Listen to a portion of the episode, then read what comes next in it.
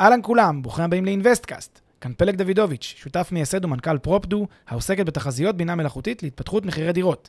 ואיתי אביב גרינברג, מנהל ההשקעות בחברת רנטפו, שהיא גם נותנת החסות לפרק. רנטפו היא פלטפורמה להשקעות חכמות בנכסים מניבים בנדל"ן, תוך שירות וניהול מוקפד מקצה לקצה. היכנסו ל-rentpo.com, חפשו השקעה שמעניינת אתכם, ותאמו איתנו פגישה דיגיטלית. בנוסף, נזמין אתכם להצטרף לקהילת המאזינים של אינוויסטקאסט בפייסבוק. ועכשיו לפרק חדש של אינוויסטקאסט.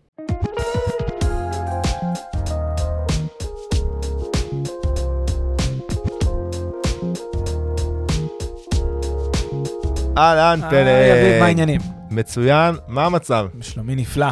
yes. איך אתה? אני, אני מעולה, התגעגעתי. כן, יש לך איזה. פרויקט לספר לנו. יש לי פרויקט לספר, שנייה לפני שאנחנו מתחילים. אנחנו משווקים עכשיו ברנטפו, משווקים פרויקט במיקום פגז, במרכז העיר לודג'. נדבר על המרכז. צנטרום של הפיילה. בדיוק, הצנטרום של הצנטרום, המרכז של העיר, מרחק הליכה משלושת האוניברסיטאות המרכזיות של העיר. מדובר בהשקעה של 70 אלף יורו לדירה אה, שרשומה על שמכם וצפויה להניב לכם בין 8 ל-12 אחוז תשואת IRR נטו לשנה. פגז.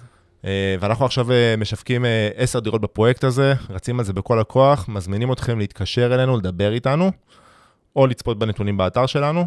בכל מקרה, אז אה, אני יכול רק להגיד שלודג' זו עיר מדהימה, אה, בכלל פולין מדינה מדהימה, והיא צומחת אה, מספרים מפגרים בשנים האחרונות, והיא ממשיכה לצמוח בכל הכוח, ולודג' היא עיר מטריפה שנמצאת איזה 10, 15, 20 שנה אחרי אה, ערים אחרות. אה, אם ממש רואים את הפוטנציאל האדיר שהולך ל- ל- ל- לצמוח שם, זאת באמת הזדמנות נפלאה, ואנחנו מזמינים אתכם גם כן ליצור קשר ו- ולהתקדם עם זה, כי זה באמת אחלה הזדמנות. חלק, חלקכם כבר דיברתם איתי בהרבה הזדמנויות, אז אתם מוזמנים אה, גם לדבר איתי שוב על הפרויקט הספציפי הזה. מיקום מעולה וגם מחירים ממש טובים יחסית למרכז העיר לודג'. פנטסטי. אז נתחיל לדבר על הפרק של היום. יאללה. אה, היום אנחנו מדברים על אה, צורת מגורים חדשה. לגמרי. אה, לאן, העולם הולך מבחינת מגורים. נדבר שנייה, נתחיל על מה המודל שקיים היום, אבל אחרי זה נדבר על מודלים אה, אה, אחרים שאולי, אולי עתידים לשנות את צורת המגורים. ו... ונתחיל, זו צורה שנעשה, התאהבנו בזה בפרק הקודם-קודם, של דיון פתוח, ונזרום עם זה גם הפעם. מהמם. מיקרופון פתוח של שנינו. מיקרופון פתוח. אז בואו נתחיל ב... ב... בצורה הבסיסית. אני, אני אתחיל ו... שוט. ותקן אותי אם אני אה, טועה. מגורים ש...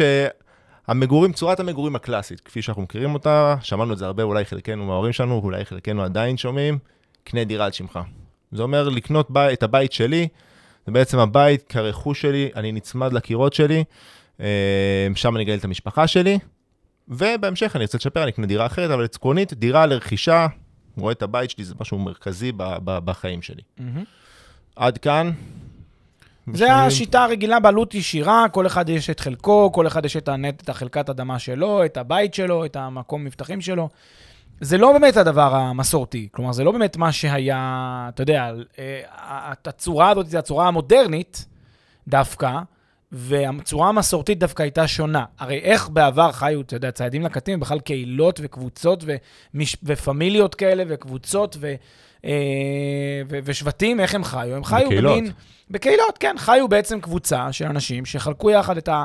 את החלל הזה ש... שהם גרו בו. כולם היו בדרך כלל בני משפחה אחת עם אותו דם. כולם גרו בדרך כלל יחד, אבל לא תמיד בני משפחה אחת, לפעמים זה היה אה, שבטים שיש להם איזשהו רקע משותף, למשל אמונה משותפת, או דרך חיים משותפת, או תרבות משותפת, או מסורת משותפת, או כל דבר כזה או אחר.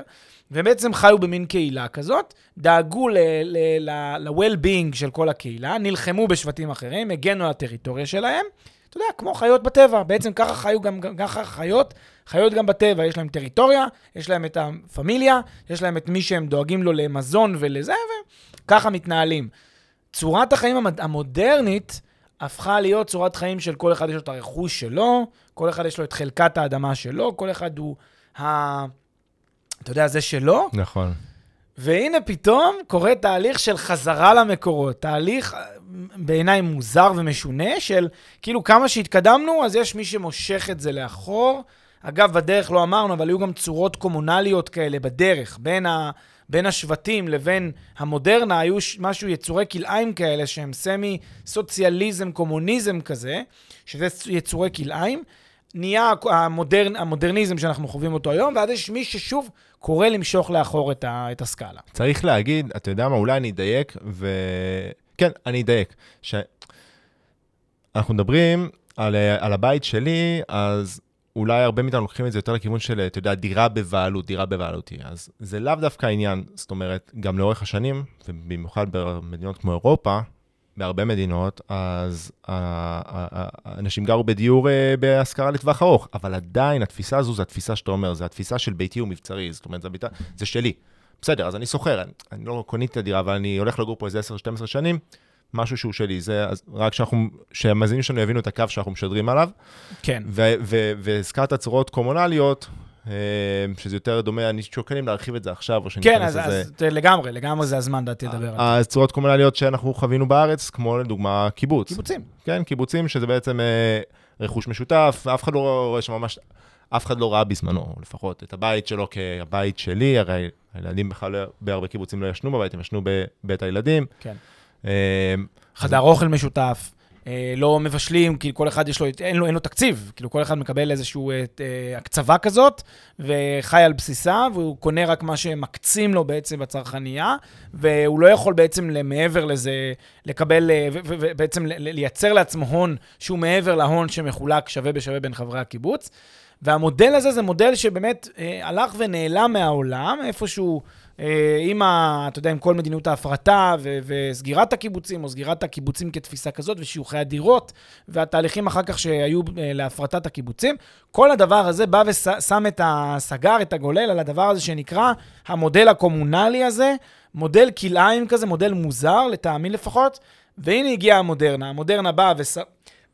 כל אחד קיבל את חלקת האדמה שלו, כל אחד שייך, כל אחד יש לו את שלו, הוא יכול להצמיח, לגדול, להביא את זה לאן שהוא רוצה, לפתח כמה שהוא רוצה, גם כלכלית, גם uh, מבחינת הארבעה קירות וכולי. והנה יש מי שעכשיו קורא להחזיר את הגלגל לאחור ולחזור חזרה למודלים קומונליים שבעיניי הם משונים ותמוהים. הסביר לנו. תראה, יש כל מיני מיזמים וכל מיני תפיסות שקשורים לתחום של מגורים משותפים, או חיי קהילה משותפים. צריך להבין שנייה רגע משהו. כשאנחנו באים ואומרים שאנחנו מייצרים תפיסת אה, קהילתיות כזאת, ותפיסה משותפת, לי כשאני שומע את המילה קהילתיות, ישר אני אומר, יש פה משהו שהוא פגום מיסודו, ואני אסביר. ב... בואו נחלק את העולם לשניים. יש את העולם התיאורטי, בסדר? את העולם האוטופי, החזון, עולם הדמיונות, ויש את עולם המציאות. לת... לצערי, בהרבה מאוד מקרים בחיים, הם לא מתיישבים במציאות עם העולם האוטופי. וזאת בעיה שיש בהרבה תחומים. בעיקר בתחומים כלכליים וחברתיים ואפילו פוליטיים. הרבה מאוד פעמים יש אנשים בראש מנגנונים ותפיסות שהן תפיסות אוטופיות, לאיך העולם באמת אה, הם רוצים שהוא יהיה, לבין איך שהעולם עובד באמת. כי לא תמיד אנשים חושבים כמו אנשים אחרים. לא תמיד אנשים מתנהגים כמו שמצפים מהם להתנהג. לפעמים אנשים מתנהגים אחרת מאיך שמצפים, וזה לא מצליח. ובהקשר החיים משותפים? הדבר הכי מרכזי שקשור גם לחיים משותפים, בדיוק בהקשר הזה, זה העניינים הכלכליים האלה, או העניינים של, אם תרצה, הכבוד, או הסולידריות ההדדית, או הכבוד לרכוש ההדדי, או המקום שבו האגואיסטי מתנגש עם הקולקטיביסטי. ברכוש, ברכוש שהוא רכוש משותף, תחשוב שאתה אביב, יש לך עכשיו דירה בבעלותך, 100% בעלותך. אבל גם יש לך 1 חלקי 50 מהרכוש המשותף. על מה תשמור יותר באדיקות, בוא נאמר, ב understatement? על מה תשמור יותר? על חדר המדרגות או על המדרגות שיש לך בתוך ביתך שלך? קל. התשובה, המדרגות ברור. שיש לך בתוך ביתך שלך הרבה יותר חשובות. אבל שנייה, אני, לא, אני פשוט רוצה שנבנה את ה context שאנחנו מדברים עליו, אה, שהמאזינים יבינו על מה אנחנו מדברים. אז אולי שנייה נדבר על ה... הגדרה למה זה, מה זה המגורים המשותפים? שאנחנו רואים היום. על מה, על מה אנחנו מדברים בכלל? איזה, אוקיי, איזה אז... יוזמות אנחנו רואים? אז... זה, כאילו, אבל לפחות אה, אה, אה, אה, סגנון של יוזמות שאנחנו רואים היום של מגורים משותפים. כי כשאני ואתה התחלנו לדבר על זה, אני, אני עדיין מרגיש שזה בשוליים, אני רק רוצה לוודא שה...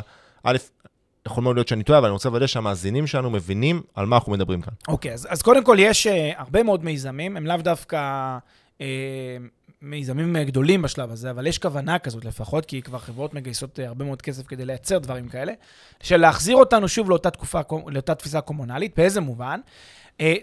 כמה דוגמאות. אחת זה מגורים משותפים ממש, כלומר, אנשים שחולקים יחד את, אותם, את אותו מתחם, מתחם מגורים משותף, שכל אחד יש לו בתוך המתחם הזה נניח איזה משהו זה, אבל כולם, כל השירותים מתחלקים בין, בין כולם. מה, כאילו של הבניין? השירותים החברתיים, וה, וה, חדר, חדר, חדרי כביסה, וחדרי עבודה, וחדרי, ואופניים משותפים, ובריכה משותפת, הכל משותף לדיירים, במובן הזה שכולם חולקים בהוצאות שבזה, בהוצאות התחזוקה שבזה, כל אחד משתמש כפי, בדיוק סיסמת הסוציאליזם, כן? כל אחד לפי אה, צרכו, אה, משתלם, מש- משתמש בדבר הזה, משלם לפי יכולתו ומשתמש לפי צרכיו.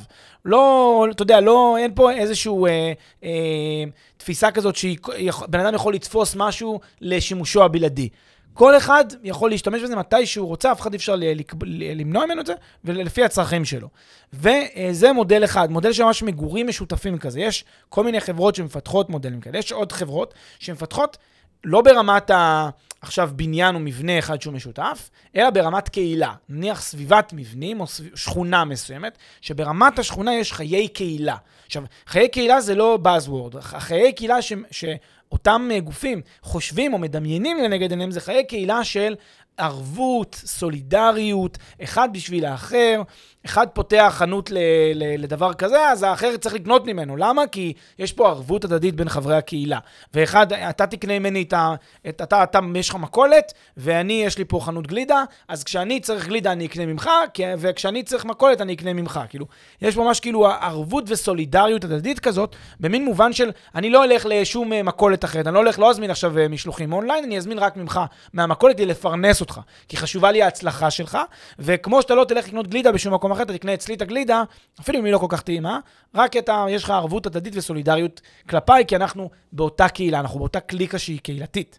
אלה שני סוגים של מודלים, ויש כמובן כל מיני מודלים שהם מודלי אמצע כאלה, או מודלים, אה, אתה יודע, אה, בתווך, וזה כבר יש אה, ממש מתפצל, יש דירות שחולקים אותם הרבה אנשים, דירות אה, גדולות כאלה, פתאום קבוצה שלמה נכנסת לדירה אחת, חולקת דירה איזה 10-15 אנשים, יש דברים כאלה. יש תופעות כאלה? יש תופעות כאלה גם בארץ אפילו, קטנות מאוד, אבל יש הרבה פעמים בחו"ל, שחולקים ממש דירה, הרבה אנשים וחיים ביחד, משק משותף, כל אחד מזרים לקופה, וכל אחד משתמש בכסף הזה לפי צרכיו, וכל הדבר הזה זה... קוראים לזה שנת שירות, אגב. אז זה, זה, זה בחלק של, אה, של אה, ממש מגורים משותפים. תכף ניתן גם דוגמאות לצורת מגורים חדשה בהיבטים שונים, כמו טייני הומס ודברים אחרים, תכף נדבר. רוצה להקשות עליך, אני לא יודע אם זה הזמן. אתה יודע מה זה הזמן. כן. לוקח אותך אחורה למודל הראשון ש... שאמרת, כן. שזה סוג של, אם ניקח את זה... אני בניין משותף, בניין רק עם משותף. בנפיץ נוספים. בניין עם בנפיט, זאת אומרת, רגע, רק משפט, סליחה, אביב, משפט אחד סגור. קטן. כיום, במודל הבתים המשותפים בישראל, שהוא לא מודל גלובלי, יש בהרבה מדינות מודלים אחרים. רק שתבינו שבמודל הבתים המשותפים בישראל כבר קיים דבר כזה, רק שהוא בעצימות מאוד מאוד מאוד נמוכה, על גבול האפסית.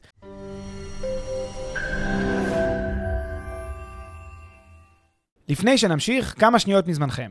הפרק בחסות רנטפו, פלטפורמת השקעות חכמות בנדל"ן עם האנשים שמאחורי אינוויסטקאסט. רנטפו מאפשרת לכם להשקיע בשקיפות וביעילות בנכסים מניבים, תוך ליווי וניהול מוקפד ומקצועי מקצה לקצה. היכנסו ל-rentpo.com, חפשו השקעה שמעניינת אתכם, ותאמו איתנו פגישה דיגיטלית.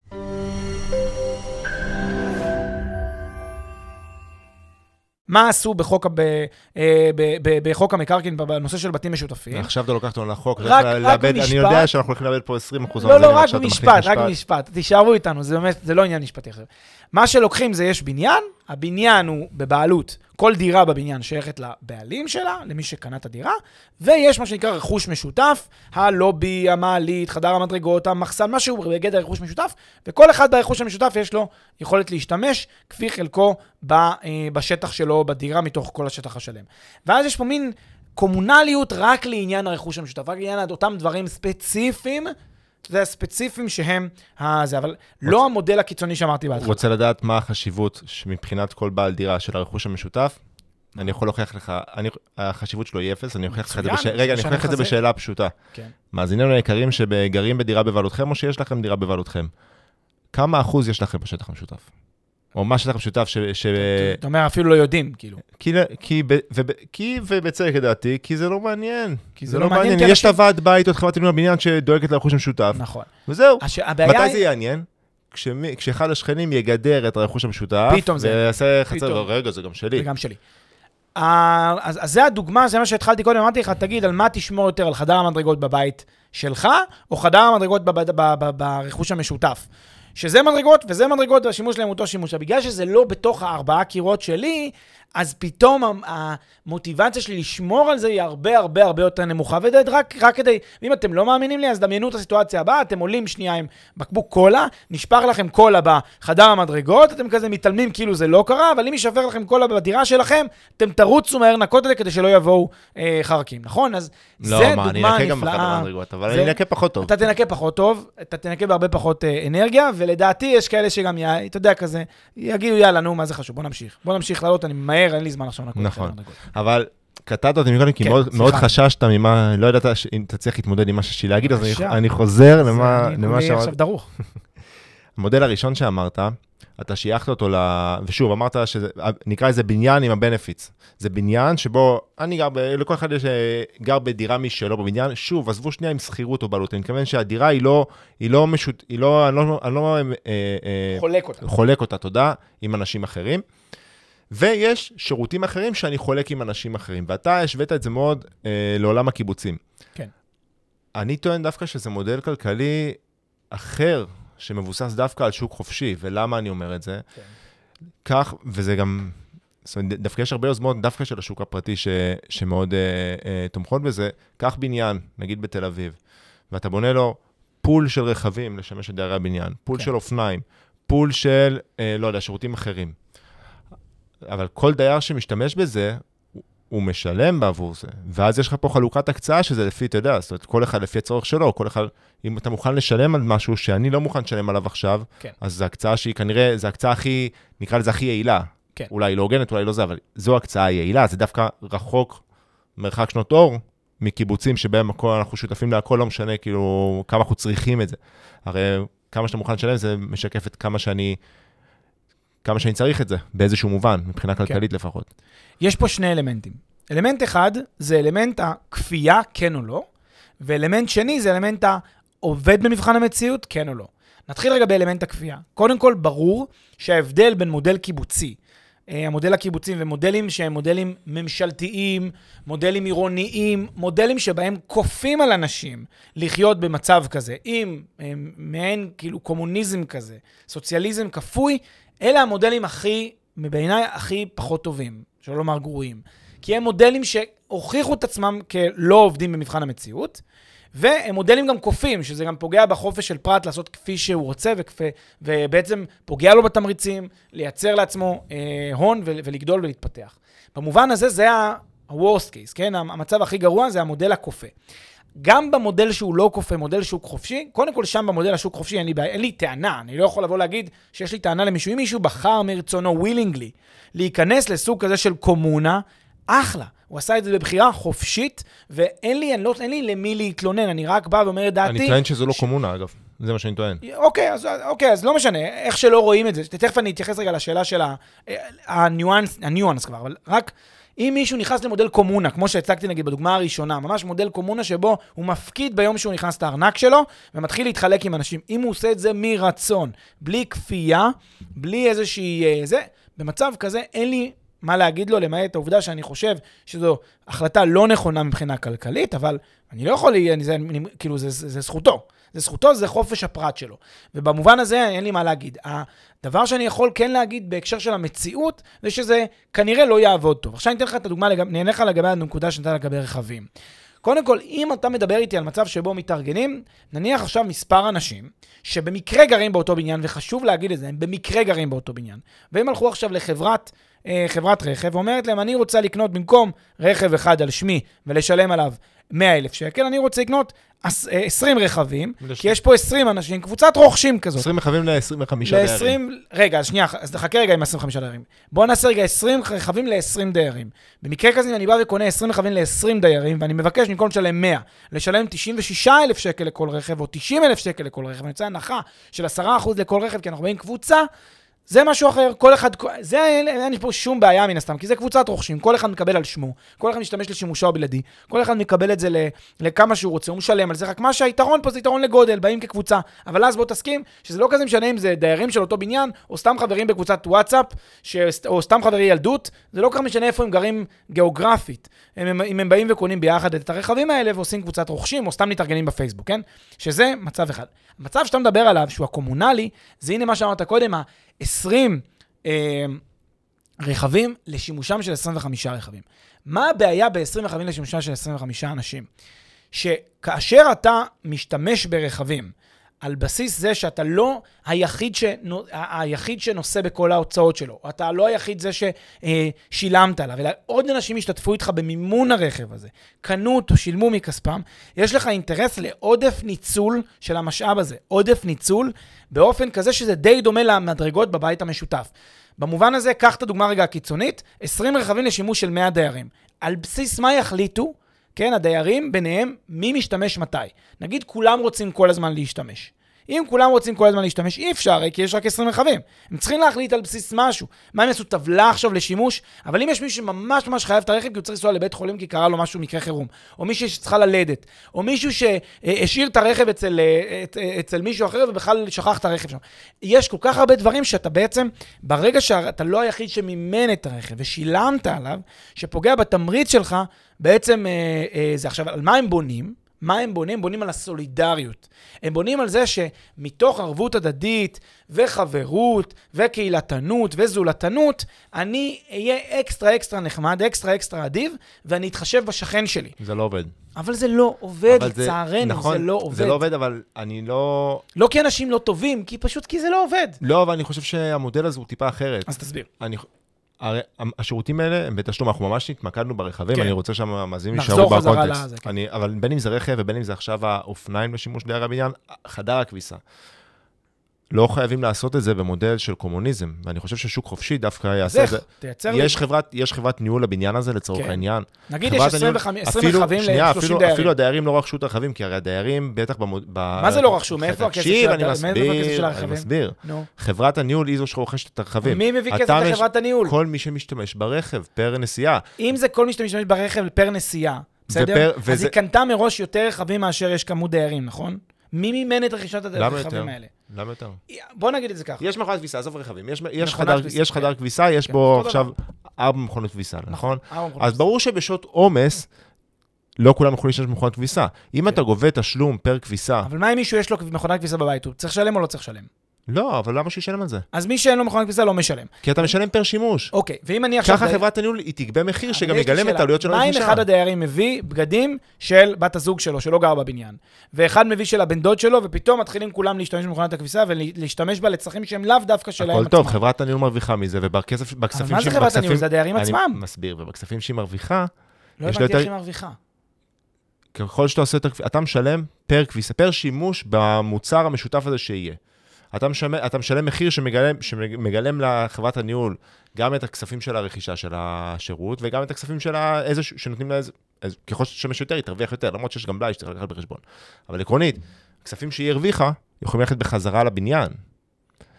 אנחנו נכנסים פה לא- לא למערבולת, ש... נכנסים פה למערבולת, ש... אני אסביר לך מה, באופן כללי מה אני אומר, כי נראה לי שאולי נעבור גם, לנושא הבא. אני רק, כל מה שאני טוען, זה שהמודל הזה שנתת, הוא לא חייב להיות אה, אה, קומיונה, במובן הטהור, זאת אומרת, הוא כן יכול להתבסס על מודלים של אתה שוק אומר חופשי. שחברת ניהול יכולה להפוך להיות עסק של, עסק של מכבסות, והיא מנהלת עסק של מכבסה, ואומרת לך, אני קונה, אני מנהלת מכבסות יותר טוב מהמכבסה הסמוכה. אני אקנה מכבסות, שזה בעצם הדיירים קונים, הם משתתפים בהשקעה במכבסה. זה מה שאתה אומר, ועכשיו מגיעים כל מיני אנשים ומשתמשים ומכבסים ומשלמים את הזה. אז אוקיי, אז זה עסק למכבסה. אני לא בטוח שחברת ניהול שמנהלת בתים יודעת לנהל מכבסה טוב יותר מאשר מכבסה מקצועית שעושה את זה ורק את זה. בוא. שמפרסמת גם וגם זה, זאת אומרת, זה לא... ברור. לא נשמע לי יתרון יחסי בא- באופן... גם לי. לא, אני מסכים עם זה. בוא ניקח את זה שנייה, אתה יודע אולי ניקח את זה, ניקח את זה, מתחמי עבודה? כן. אז זה- מתחמי העבודה זה דוגמה נפלאה למודל שהוכיח את עצמו שהוא לא עובד. מה רצו לעשות במתחמי העבודה? בכל הנושא של חיילי עבודה משותפים. באו ואמרו, לא רק שאני. חולק איתך את, ה, את, ה, את השטח הזה, של לחלוק איתך את השטח זה עוד ניחא. אגב, גם בזה יש בעיה. ואני תכף אתן דוגמה שגם קרתה לי באופן אישי. אבל אה, לא רק שאני חולק איתך את השטח, המודל האוטופי או החזון שלך לעבודה היה, אני חולק איתך גם את, ה, ה vision. אנחנו חולקים יחד, אנחנו כמו, כמעט כמו שותפים לדרך. למה? אתה עורך דין, אתה, ההוא, הוא, אה, אה, לא יודע מה, הוא יועץ משכנתאות, זה הוא בכלל אה, סוכנת נסיעות, וההיא, כל אחד עושה משהו אחר. אם אני צריך, רוצה לטוס לחו"ל, אני אפנה לסוכן נסיעות. במקרה אני גם יועץ משכנתאות, אז אני אסדר לבת של המשכנתה עכשיו שהיא צריכה, כי היא צריכה משכנתה. ובעצם תהיה פה הפריה הדדית של לקוחות. כאילו, בעצם העולם מורכב מאותם דיירים של הבניין הזה או של הקומה הזאת, כאילו רק הם מורכבים. אם אני ארצה למשל להתמחר עם יועץ משכנתאות, אני לא יכול, כי אני איתו באותה קומה. המודל הזה כמובן שאין לו שום יכולת לעבוד במציאות, כי שוב, כל בן אדם שואל את עצמו את השאלה, רגע, למה לי ללכת דווקא ליועץ המשכנתאות הזה? מה אם הוא לא הכי טוב? אולי יש אחד אחר, למה, אולי אני רוצה להזמין כרטיס בלי סוכן נסיעות. בא לי להזמין ישירות מה, מהאתר של חברת התעופה, לא דרך סוכן. אז הסוכן ייעלב, רגע, למה לא הזמנת דרכי? למה, למה אני הלכתי אליך כיועץ משכנתאות, אבל אתה הזמנת דרך אתר חברת התעופה? בקיצור, הדבר הזה נידון לכישלון ידוע מראש, וזו בעצם הנקודה פה. החזון, אפילו שהוא נראה מאוד יפה על הנייר, ומצטייר מאוד יפה, הוא אוטופיה שלא יכולה להתקיים. עכשיו, רק רציתי להגיד קודם לגבי זה שזה גם לא מתקיים, גם השטח. כי הם אומרים הרבה פעמים, אנחנו נעשה שטחים משותפים לשימוש הדיירים פה בקומה. נגיד יש איזה עשר חברות שחולקות עכשיו כמה פופים וכמה ישיבות, חדרי ישיבות וזה. מה קפה. קורה בפועל? אתה יודע כמה פעמים הגעתי לפגישות כאלה שבהם, בגלל שהחדר ישיבות היה תפוס, כי, ו, ו, והעירו לי, גם אלה שפגשתי אותם, כל הזמן הם יושבים שם. ובאתי ובסוף ישבנו על פופים, או ישבנו כזה בצורה לא נוחה, לא הייתה פגישה נוחה ונינוחה, בגלל שמישהו אחר כל הזמן תופס את החדר ישיבות, כי אם זה שם, הוא פשוט תופס אותו כמה שהוא רוצה, כי זה פתוח. והוא, שוב, הוא כבר, הוא מרגיש, כבר שילמתי. אז מה, אני עכשיו, תגבילו אותי כמה פעמים להשתמש? אז עוד פעם, הקומונה הזאת היא יפה בתיאוריה, היא לא עובדת במציאות, ואני חושב שבזה אפשר גם להמשיך הלאה לנושאים הבאים. לאן אתה רוצה להמשיך? יש עוד איזה תחום, שהוא הפלטפורמות אה, לקהילות. וזה הנושא של אה, בעצם, אה, שוב, זה די דומה לזה, אבל כל הנושא של אה, ניהול הקהילה, ואיך שהקהילה מתנהלת, ואיך שמעבירים לה מסרים, זה הרבה פעמים יש פלטפורמות שזה עובר דרכם, שהמסר עובר דרך איזשהו, אה, איזשהו גוף. אז אני חושב, עוד פעם, זה מין, זה מסוג הדברים שאתה יודע שלפעמים אה, מנסים לייצר אה, IoT, כזה אינטרנט אוף תינקס, בצורה, לדעתי, קצת מאולצת בהרבה פעמים. מנסים לייצר טכנולוגיה איפה שלא נדרשת טכנולוגיה בצורה ישירה. למה הכוונה? בנושא של, אה, אה, נניח הייתי אומר לך שאתה אה, צריך ללכת לקבוע, לא יודע, להזמין מקום במסעדה. דוגמה הכי פשוטה. כן. בחזר חיי עבודה משותפים. כן. הרי איך, איך זה עובד ברוב המקומות? גם אני הייתי אה, בח... במקום של חיי עבודה משותפים. אותם חדרי ישיבות שאמרת שזה, אתה צריך to reserve it דרך האפליקציה. נכון. ככה אתה משריין לך לעצמך את חדר הישיבות. נכון. אז אתה... ואז, ואז כל הקטע של מנהלות הקהילה, העדכונים, הם שולחים לך דרך האפליקציה, כל הדברים האלה שאף אחד לא... אז, אז הרבה מאוד פעמים הדברים האלה הופכים להיות אפליקציות מיותרות, שהן פשוט רק מסרבלות את התהליך. אה, ניתן דוגמה, גם אני גר בבית משותף שיש לו אפליקציה, שיש לו אפליקציה לבית המשותף, הזה, לבניין הזה, כן? איזשהו בניין. יש לו אפליקציה, אוקיי, נחמדה, UX UI נחמד. אבל uh, בסוף יש וואטסאפ, כאילו, אם אני רוצה לדבר עם הדיירים האחרים בבניין, אני אכתוב להם בוואטסאפ. אני לא צריך ללכת לאפליקט, לפתוח אותה במיוחד, לכתוב שזה קצת פחות נוח מאשר הוואטסאפ, אם אני יכול להגיע ישירות ל- ל- לכל הדיירים ולכתוב להם. עכשיו, יגידו לי, לא, אבל חברת הניהול רוצה לתקשר איתך, לפתוח תקלות וכל מיני דברים מהסוג הזה דרך האפליקציה. אז אני אומר, אוקיי, בסדר. בשביל זה זה נחמד, לא... שוב, זה לא מה שמרגיש לי שמשנה את החיים, כי אני יכול לכתוב וואטסאפ ל- ל- לחברת הניהול, לכתוב למה יש ככה וככה תקלה פה, הנורה נשרפה, אה, מציע להחליף את זה, לתקן את זה, זהו, וזה כאילו, זה לא עד כדי כך ברמה שהדברים קורסים, אני לא יודע. שוב, בהנחה שזה לא עכשיו אה, אופרציה של אלפי יחידות, עשרות אלפי יחידות, לא יודע מה, בתי מלון גדולים שצריכים את השירות הזה, לי זה נראה כמו סתם להוסיף איזשהו נדבך, וזה מסרבל את המגורים, מסרבל, ו- ושוב, יש עם זה הרבה יומרה. למה אני מדגיש את זה כאן? כי יש עם זה הרבה יומרה, כאילו, שוב, האפליקציה נועדה כדי לקשר בינינו, לחבר בינינו, אחד לשני, לדייר. יש וואטסאפ. לא רק יש וואטסאפ, כשאני פוגש אותו במעלית, אנחנו לא מחליפים הרבה יותר מאשר שלום, חיוך מובך ומסיימים את הביקור במעלית. כאילו, במציאות אנשים לא עושים את הקומונה הזאת. נכון. ובוואטסאפ מתכתבים על מה שצריך, וזה, והכל טוב ויפה. לא צר... אני לא מרגיש כאילו שצריך פה את הקומונה המאולצת, הקומונה הזאת ב, ב, אה, בכוח. מי שמרגיש שהוא צריך, אז אחלה. אז יכול לייצר לעצמו יופי של אה, קבוצת וואטסאפ נפרדת, או, אתה יודע, לשבת ולראות יחד אה, את, אה, את גמר הגביע, לשבת באחד הבתים ולבלות. אבל טוב, מעבר לזה נראה לי... תוך כדי שדיברת, אני, אני חשבתי לעצמי איך... אה, איך אפשר לדייק את זה, וזה אולי, אולי, אם דיברנו עכשיו אוקיי, על צורות מגורים, אז דיברנו, הלכנו עכשיו ל, ל, ל, ל, לצורות ה, של הקומוניזם אולי במובן היותר טהור שלהן, בסדר? אבל אני חושב, בוא שנייה נדייק, בסדר? אני חושב שכשאנשים אומרים קהילה, זה לא נתפס אצלם עכשיו, כ... וכל המקומות האלה הקהילתיים, ואני תמיד הולך אוטומטית דווקא למתחמי עבודה משותפת, כי רואים את זה הרבה בטח בארץ עם כל הסטארט-אפים הקטנים, אז יש את WeWork, יש מקומות אחרים. ואני חושב שכל סטארט-אפ שנכנס למקום כזה, ש... ש... שתגיד לו, תשאל אותו מה, מה, מה זה הקהילתיות שם, מבחינתו הקהילתיות זה המנהל או מנהלת הקהילה שיש שם, שאם עכשיו חסר לו משהו, הם באים לדאוג לו לזה. זה ה-happy hour ביום אה, רביעי או חמישי, עם הגלילות וה, והפינוקים, והברז אה, בירה והדברים האלה. הוא משלם על זה. ח, לא, חד משמעית. מבחינתם, וזה, אגב, זה הדבר הבא שבאתי להגיד. חד משמעית, מבחינתם זה הקהילה, לא השיתופיות של זה. אולי זה, וזה שאני יכול, זה שאני בעצם משתף את המכונת צילום, את, ה, את חדר הכושר ו, ואת הדברים האחרים. אז, אז, אז זה הקהילה דווקא יותר בקטע הפאן, ככה אנשים רואים את זה, ואגב, ככה גם החברות האלה משווקות את זה. ברור, שיווק זה תמיד, בשיווק אפשר להגיד הכל. ח, לא, חד משמעית, אבל אז זה המובן הקהילתיות, והוא לא, דו, לא חזק בקטע של ה, דווקא ש, של השיתוף ושל, ושל החלוקה. והדבר השני שאמרת, וזה נכון, הוא משלם על זה. ובגלל זה אני חושב שרוב, שאולי זה... לפחות עכשיו, רוב הפרויקטים האלה, אתה רואה אותם מתרכזים במקומות שבהם הם מאוד רלוונטיים לגופים, לגופים, בין אם זה עסקים, בין אם זה אה, אה, דיירים, בסדר גודל קטן. ואז משתלם להם יותר לשלם על זה, לשלם על חדר כביסה משותף, לשלם על פול רכבים משותף, לשלם על מכונת צילום וחדר כושר משותף, במקום, אתה יודע, לרכוש את הדברים האלה בעצמם. לא מסכים. אני, אז זה, אז, אולי, אולי לא נפתח את זה לוויכוח, אבל אני חושב שזה יוצא להם פחות משתלם, כי הם משלמים גם על השירות, גם על שירותי ניהול, בדרך כלל זה גם שירות יקר יותר, במיוחד אם הם עסק קטן. אם הם עסק גדול עוד ניחא, אבל במיוחד אם הם עסק קטן, לדעתי דווקא זה יצא להם אה, קנס יותר גדול, אבל... סבבה, אז דיברנו הרבה, דיברנו המון על צורת המגורים הזאתי, קח אותנו לצורת מגורים אה, אחרת שאנחנו רואים היום. יש, באמת היום אה, נכנסים לכל העולמות של מה שמכונה Home as a Service.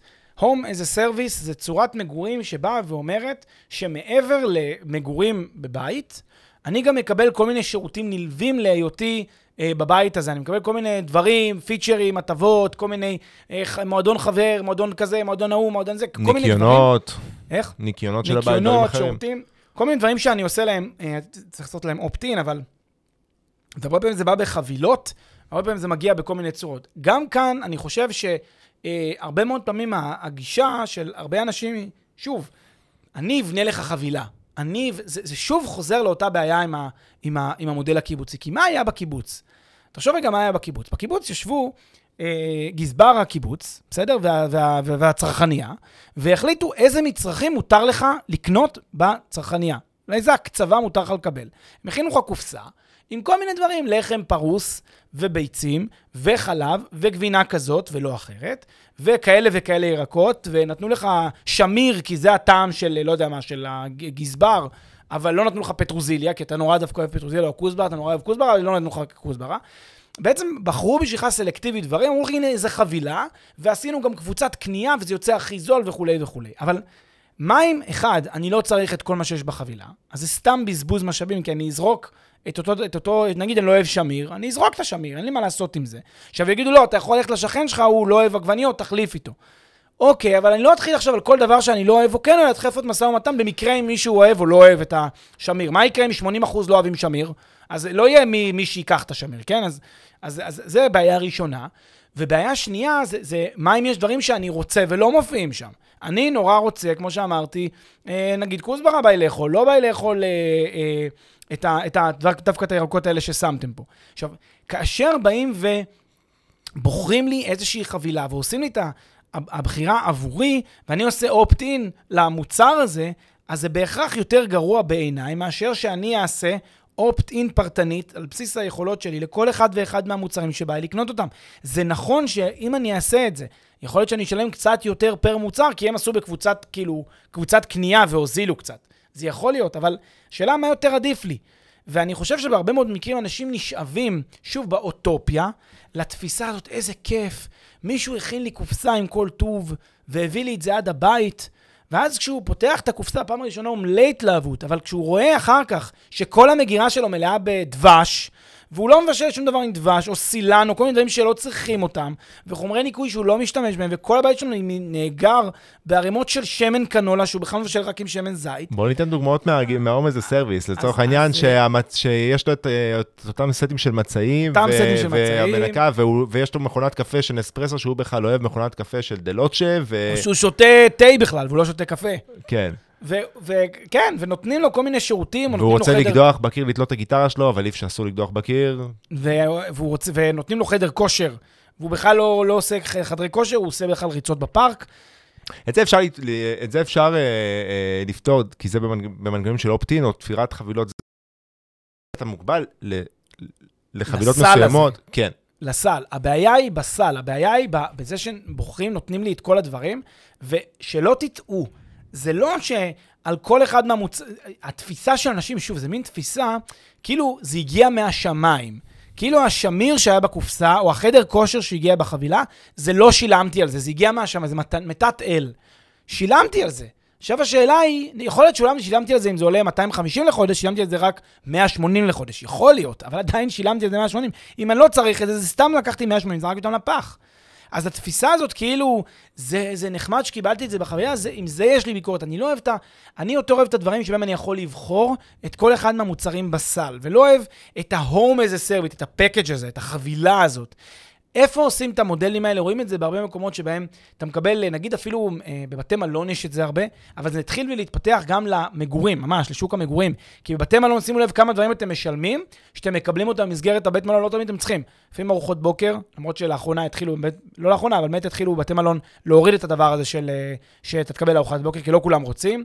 אה, שימוש בבריכה, שימוש בחדרי כושר, סאונה, ספא, קונסיירג', כל מיני דברים כאלה. אגב, שתדע, הרבה מאוד פעמים אני רואה אנשים שאפילו, אה, אתה יודע, אנשים שאני מדבר איתם, אני, הם סתם מקשקשים וכולי, ואז הוא מספר, הייתי, ב, זה כמובן לפני הקורונה, הייתי, לא יודע מה, במלון, בוא'נה, איזה קמצנים, כל הספא והחדר כושר וכל הזה, צריך לשלם כסף. נוסף. זה מעולה. לא מצוין, מעולה. מצוין, כי ברור. אתה שילמת פחות על החדר, אתה שילמת פחות. קשה להבין את זה, קשה, המנגנון הזה קצת קשה לעיכול. כי הרבה אנשים אומרים, לא משנה, בכל מקרה אני משלם על זה, הם פשוט אה, הורידו את זה מה, ממה שהם נותנים, מההטבה. אז אני לא בטוח, אני חושב שזה זה בדיוק כן, מה שדיברנו על הצפה, אם חדר הכושר של המלון יהיה פתוח לכולם, אז כשאתה תרצה להתאמן בו, זה יש אה, אדום, כולם- לא יהיה לך מקום, אבל אם זה שם. מוכן, כשזה פתוח למישהו מוכן לשלם לו, זה, כשזה יהיה עמוס, זה יהיה עמוס על ידי האנשים שהכי, שהכי היו צריכים את זה, או לפחות הכי, שהסכימו לשלם את המחיר הכי גבוה על זה. חדרי האוכל הכי טובים שאכלתי במלונות בחיי, זה חדרי אוכל שהברקפסט לא היה כלול, והיה בתוספת תשלום מופקעת לפעמים. ויכול להיות, אתה יודע, שלפעמים הייתי, כי הייתי צריך, במקרה, הייתי צריך ארוחת בוקר, אז הייתי, ולא היה לי זמן, לפני טיסה או משהו, אז הייתי צריך לאכול דווקא את הארוחת בוקר הזאת, וזו הייתה ארוחת שף מדהימה. ו- ו- ואז אתה באמת מבין, וואו, זה ארוחת בוקר, אבל כשאתה במלון, ברגיל, ארוחת הבוקר גלומה במחיר שלך, ואתה מגיע לארוחת בוקר שזה, וואי, קפה לא טוב, וחביתה שנראית כמו זה, אז אתה מבין שזה לא... זה לא... ה- אני אני רוצה שנייה רק לעטוף את ה... ולסכם את ה- את הנושא הזה של ה home as a service. אגב, בגלל זה, אתה, את גישת as a service, אתה רואה יותר בשוק ב, אה, אה, בעסקים שעושים, שמפרסמים דירות כאלה להשכרה לטווח קצר בינוני, בינוני, לא להשכרה כן. לטווח עכשיו לשנה או, או משהו כזה. כאילו הם, אגב, מבחינתם יש בכיף. מיזמים גם לטווח ארוך. אה, נכון, פשוט אני לא יודע מה יהיה, כמו שאמרנו, המיזמים האלה שבאים. ונותנים לך חבילות כדייר, כל מיני דברים כאלה. כן. אז זה, זה מסוג הדברים. שוב, במודלים ובתיאוריה הדברים האלה נראים מצוין. ואני יכול לייצר אחלה מודל שהדבר הזה עושה ים בכסף. בתיאור, במציאות, זה לא עובד תמיד. מודל, אה, נראה לי שנסיים איתו. נסיים איתו. טייני הומס. כן. חייב להגיד, רגע, אני אגיד מה, אני אומר, טייני הומס בא מגישת המינימליזם, זה אומר שאנחנו יכולים לסדר בדירות הרבה יותר קטנות ממה שאנחנו רואים. אני חייב להגיד שאני אישית עף על המודל הזה. כן. בוא, בוא שנייה נגיד נתונים שאי אפשר להתווכח איתם, בסדר? אנחנו יודעים שיש מגמת אורבניזציה, זאת אומרת, אנחנו יודעים שרוב העולם הולך, לה, עובר ועולה, וימשיך לעבור למרכזי הערים הגדולות. נכון. זה, זה גם לא נכון למקום מסוים, זה נכון די, גלוב, די גלובלית. נכון. בסדר? בטח במדינות המתפתחות. זה אומר... מפותחות. מפותחות, תודה. זה אומר שאנחנו יודעים שת, שהביקוש לדיור אה, יגדל ב, ב, במרכזי הערים הגדולות, וההיצע לא יצליח להדביק את זה באיזשהו שלב. זאת נכון. אומרת שמתישהו... ההיצע מוגבל. ההיצע עומד להיגמר. בהרבה נכון. מאוד ערים ההיצע כבר נגמר. זה אומר שמת... שאנחנו נהיה חייבים מתישהו להתפשר על הגודל כפי שאנחנו מכירים אותו. אגב, במדינות אחרות שאני ואתה מכירים, יגידו לנו שאנחנו מפונקים, שאנחנו זוג, שזוג צעיר גר בדירת 50 מטר רבוע, זה הרבה מעל למה שצריכים. ולכן אני חושב שיש, זאת אומרת, ההיגיון הכלכלי אומר שיש, לה- שלגישה הזאת, לעומת הגישות האחרות ש- שדיברנו עליהן, יש לה מקום מאוד מאוד חזק להתפתח. קודם כל בוא נגדיר מה זה טייני הומס. טייני הומס זה בתים קטנים, כמו שאתה אומר, גישת המינימליזם. אה, אני אתחיל רגע מ... מ- ניצול שטח יעיל. ניצול שטח יעיל. אני מ- רוצה להגיד שבגדול, אה, גם כאן אה, יש, אתה יודע, בכפרים היה מרחבים, היו אדמות חקלאיות, לא היה חסר שטח, אה, מה שנקרא. היה שטחים ענקיים, וגרו בבתים גדולים ומפוארים, וגם אנשים שהם דווקא לא ממעמד אה, סוציו-אקונומי גבוה, גרו במשק חקלאי ענק. עדיין בשטחים יש, סע לרמת הגולן. נכון, שטחים ענקיים, בתים גדולים, מרחבים פתוחים, ירוק, הכל אה, זה. ועם הזמן, ככל שבאמת הייתה מהפכה אורבנית, אנשים עברו יותר למרכז, המ- המחירים עולים ועולים ועולים ועולים. זה מגיע למצב שבו אם אתה רוצה להמשיך לגור במרכז, אתה חייב להתפשר על השטח. כי אתה משלם פר מטר, אתה משלם או פר אה, feet. אתה משלם על, על, על יחידת השטח שאתה, שאתה קונה או שוכר, ולכן כדי שאנשים יוכלו לגור במרכזים, הם, הם, אה, הם, הם היו צריכים להתפשר על השטח, וזה הוביל למצב שבו לאט-לאט ברחבי העולם התחיל תהליך של הקטנת שטח הדירה הראויה למגורים. קודם כל, הביטוי ראוי למגורים הוא ביטוי מגונה בעיניי. אני לא חושב שמישהו יכול להגיד לי מה ראוי לי למגורים. אני ראוי לי למגורים מחסן של שישה מטר. לי ראוי למגורים. אתה רוצה, אל תגור שם. אל תגיד לי מה ראוי לי למגורים. אני גם זה לא, מין תפיסה אני גם לא רוצה. לגור במקום שהוא ראוי למגורים, אני רוצה לג- לגור במקום שהוא אדיר למגורים. לא, בסדר, אבל יש, הרבה פעמים יש אנשים שבאים ואומרים, אני לא מוכן לאשר למישהו אחר, לפלוני, לגור במחסן של שישה מטר, כי זה לא ראוי למגורים. מי שואל אבל אם אותם? פלוני נהנה לה לשכור שישה מטר מחסן במרכז העיר, מה אכפת לך שיעשה מה שבא לו? זה לא שוק- פוגע שוק בך. חופשי, ובדיוק שוק כמו חופשי. שאמרת, הביקוש מה- וההיצע מה- יכ- מכתיבים כן, לשם, כי מה, המחירים מה עולים. כואב לך שהוא גר בשישה מטר? הוא רוצה, טוב לו לחיות ככה. אז אל תגיד, לי- אל תגיד לו מה ראוי. בזה שאתה סוגר לו את היכולת לגור שם, אתה רק פוגע בו. אז עדיף שתיתן לו. אז זה כבר נקודה ראשונה שאני מסיר. עכשיו, מה שעשו, הקטינו את שטח הדירה הראוי למגורים. אה, אתה יודע, בהתחלה אתה יכול לחשוב על דירות שהן דירות אה, שני חדרים, כדירות קטנות. מתחילים להקטין את זה ויותר ויותר, ואנחנו רואים במדינות, למשל מזרח אירופה, דירות סטודיו של 20 מטר, 25 מטר וכולי, ויש גם את הטייני הומס, שזה הדירות, ממש, כמו שאמרתי, מחסן 6 מטר, 10 מטר דירה, 12, כמו, אתה יודע, כמו חדר בבית מלון. אבל מעוצבות ברמה פונקציונלית, ברמה מאוד מאוד גבוהה. כן. וזה אה, צורת מגורים שהולכת ותופסת תאוצה. אגב, לא רק זה, יש גם כאלה שגרים בקרוונים, זה נישה בארצות הברית חמה ביותר. אנשים שגרים בקרוונים, ואז הם יכולים בעצם לגור קו ראשון לים, כי הם פיזית חונים בחניון של, אה, של החוף. אה, מעמידים שם את הקרוון, עולים, ל- אתה יודע, לגג של הקרוון, יושבים, רואים את השקיעה. ככה הם חיים, ככה זה צורת החיים שלהם. זאת צורת מגורים שהולכת ומתפתחת בעולם, ולדעתי, אנחנו נראה הרבה יותר ממנה לאורך הזמן. אגב, בפריז יש, יש אה, דוגמאות נפלאות לקומפקטי, לקומפקטיות של הדירות. מיטה שנפתחת מהקיר, קיר שנפתח מהקיר, נכון. כל מיני דברים, השולחן, הכל מתקפל. כן, מה, יש שם חצי, חצי חדר, אתה מוציא ארון שהופך להיות עוד חצי חדר. זה דוגמאות מדהימות, אני, אני ממש בטוח, יש גם אה, חברה אמריקאית, אני פשוט לא זוכר את שמה, שמתמחה בזה. כן. אני ממש, אני ממש אה, מאמין שלשם העולם הולך, ושוב, כי אין ברירה, ו, והחברות האלה מראות לנו שזה אפשרי, זה לא עכשיו, בסדר, אני נכנס לדירת ש- שישה, עשרה מטר, אני לא מרגיש שהיא מחסן, היא מעוצבת פונקציונלית ברמה כל כך גבוהה, עכשיו בואו נגיד עוד משהו, יש איזה משהו, ואולי בזה גם נסיים, וזה גם מתכתב עם ההתחלה של הפרק. בסוף, נגיד גם בדירת שישה מטר, דמיינו שנייה את עצמכם, או עשרה מטר, אתם נכנסים לדירה פיצית, פצפונת. ברגע שסגרתם את הדלת ואתם אתם בתוך הארבעה קירות האלה, יש, יש איזה את ה vibe הדירתי, יש איזה את ה vibe ה- הבית שלי. כי אתם שם, אתם עם עצמכם, אתם בשקט שלכם, אתם, זה המקום, המקום המבטחים, הסייף הרבור שלכם. החזרת אותי עכשיו לתחושה הכיפית שהייתה לי, שעברתי לקרוון, קראנו לזה צימר, זה קרוון ראשון שיצאתי מבית הוריי, וזה בדיוק התחושה הזאת, ש... כן, בסוף כשסוגרים את הדלת, ובסוף כשנמצאים בדירה הקטנטנה בפצ- בפצ- בפצפונת, אז מרגישים בית. ולכן עוד פעם, זה סוג מסוים של צורת מגורים שאנחנו נראה אותה הולכת ומתפתחת יותר ויותר, ו-the more the merrier, כי אני חושב שזו צורת מגורים נהדרת. אגב, כמכשיר השקעה, זה מכשיר השקעה מצוין, כי ככל שתקטין את שטח הדירה.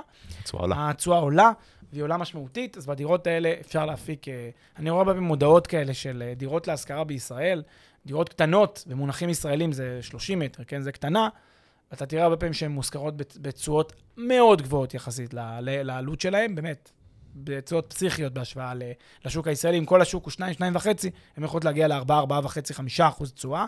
רק בגלל העובדה שהרגישות של בן אדם לשלם עוד 200-300 שקל, היא, הוא יכול לשלם אותם בשביל לגור שם, אם הוא, זה ממש המרכז של המרכז, והוא לא מרגיש את זה שהוא משלם את זה. ובעצם מה שקורה, בגלל שזה רק עוד 200-300 שקל, ב, מתוך, הש... מתוך המחיר של הנכס, זה מקפיץ את התשואה בצורה נכון. דרמטית, בעוד איזה אחוז, שניים רק על הזה. שמח שהצלחנו למצוא גישת אה, צורת מגורים חדשה ש... שאתה כן אה, מסמפת. ובנימה האופטימית הזאת אנחנו נסיים. חברים, תודה רבה לכם, שיהיה לכם סופש נפלא פלג. תענו כמו תמיד. תודה רבה.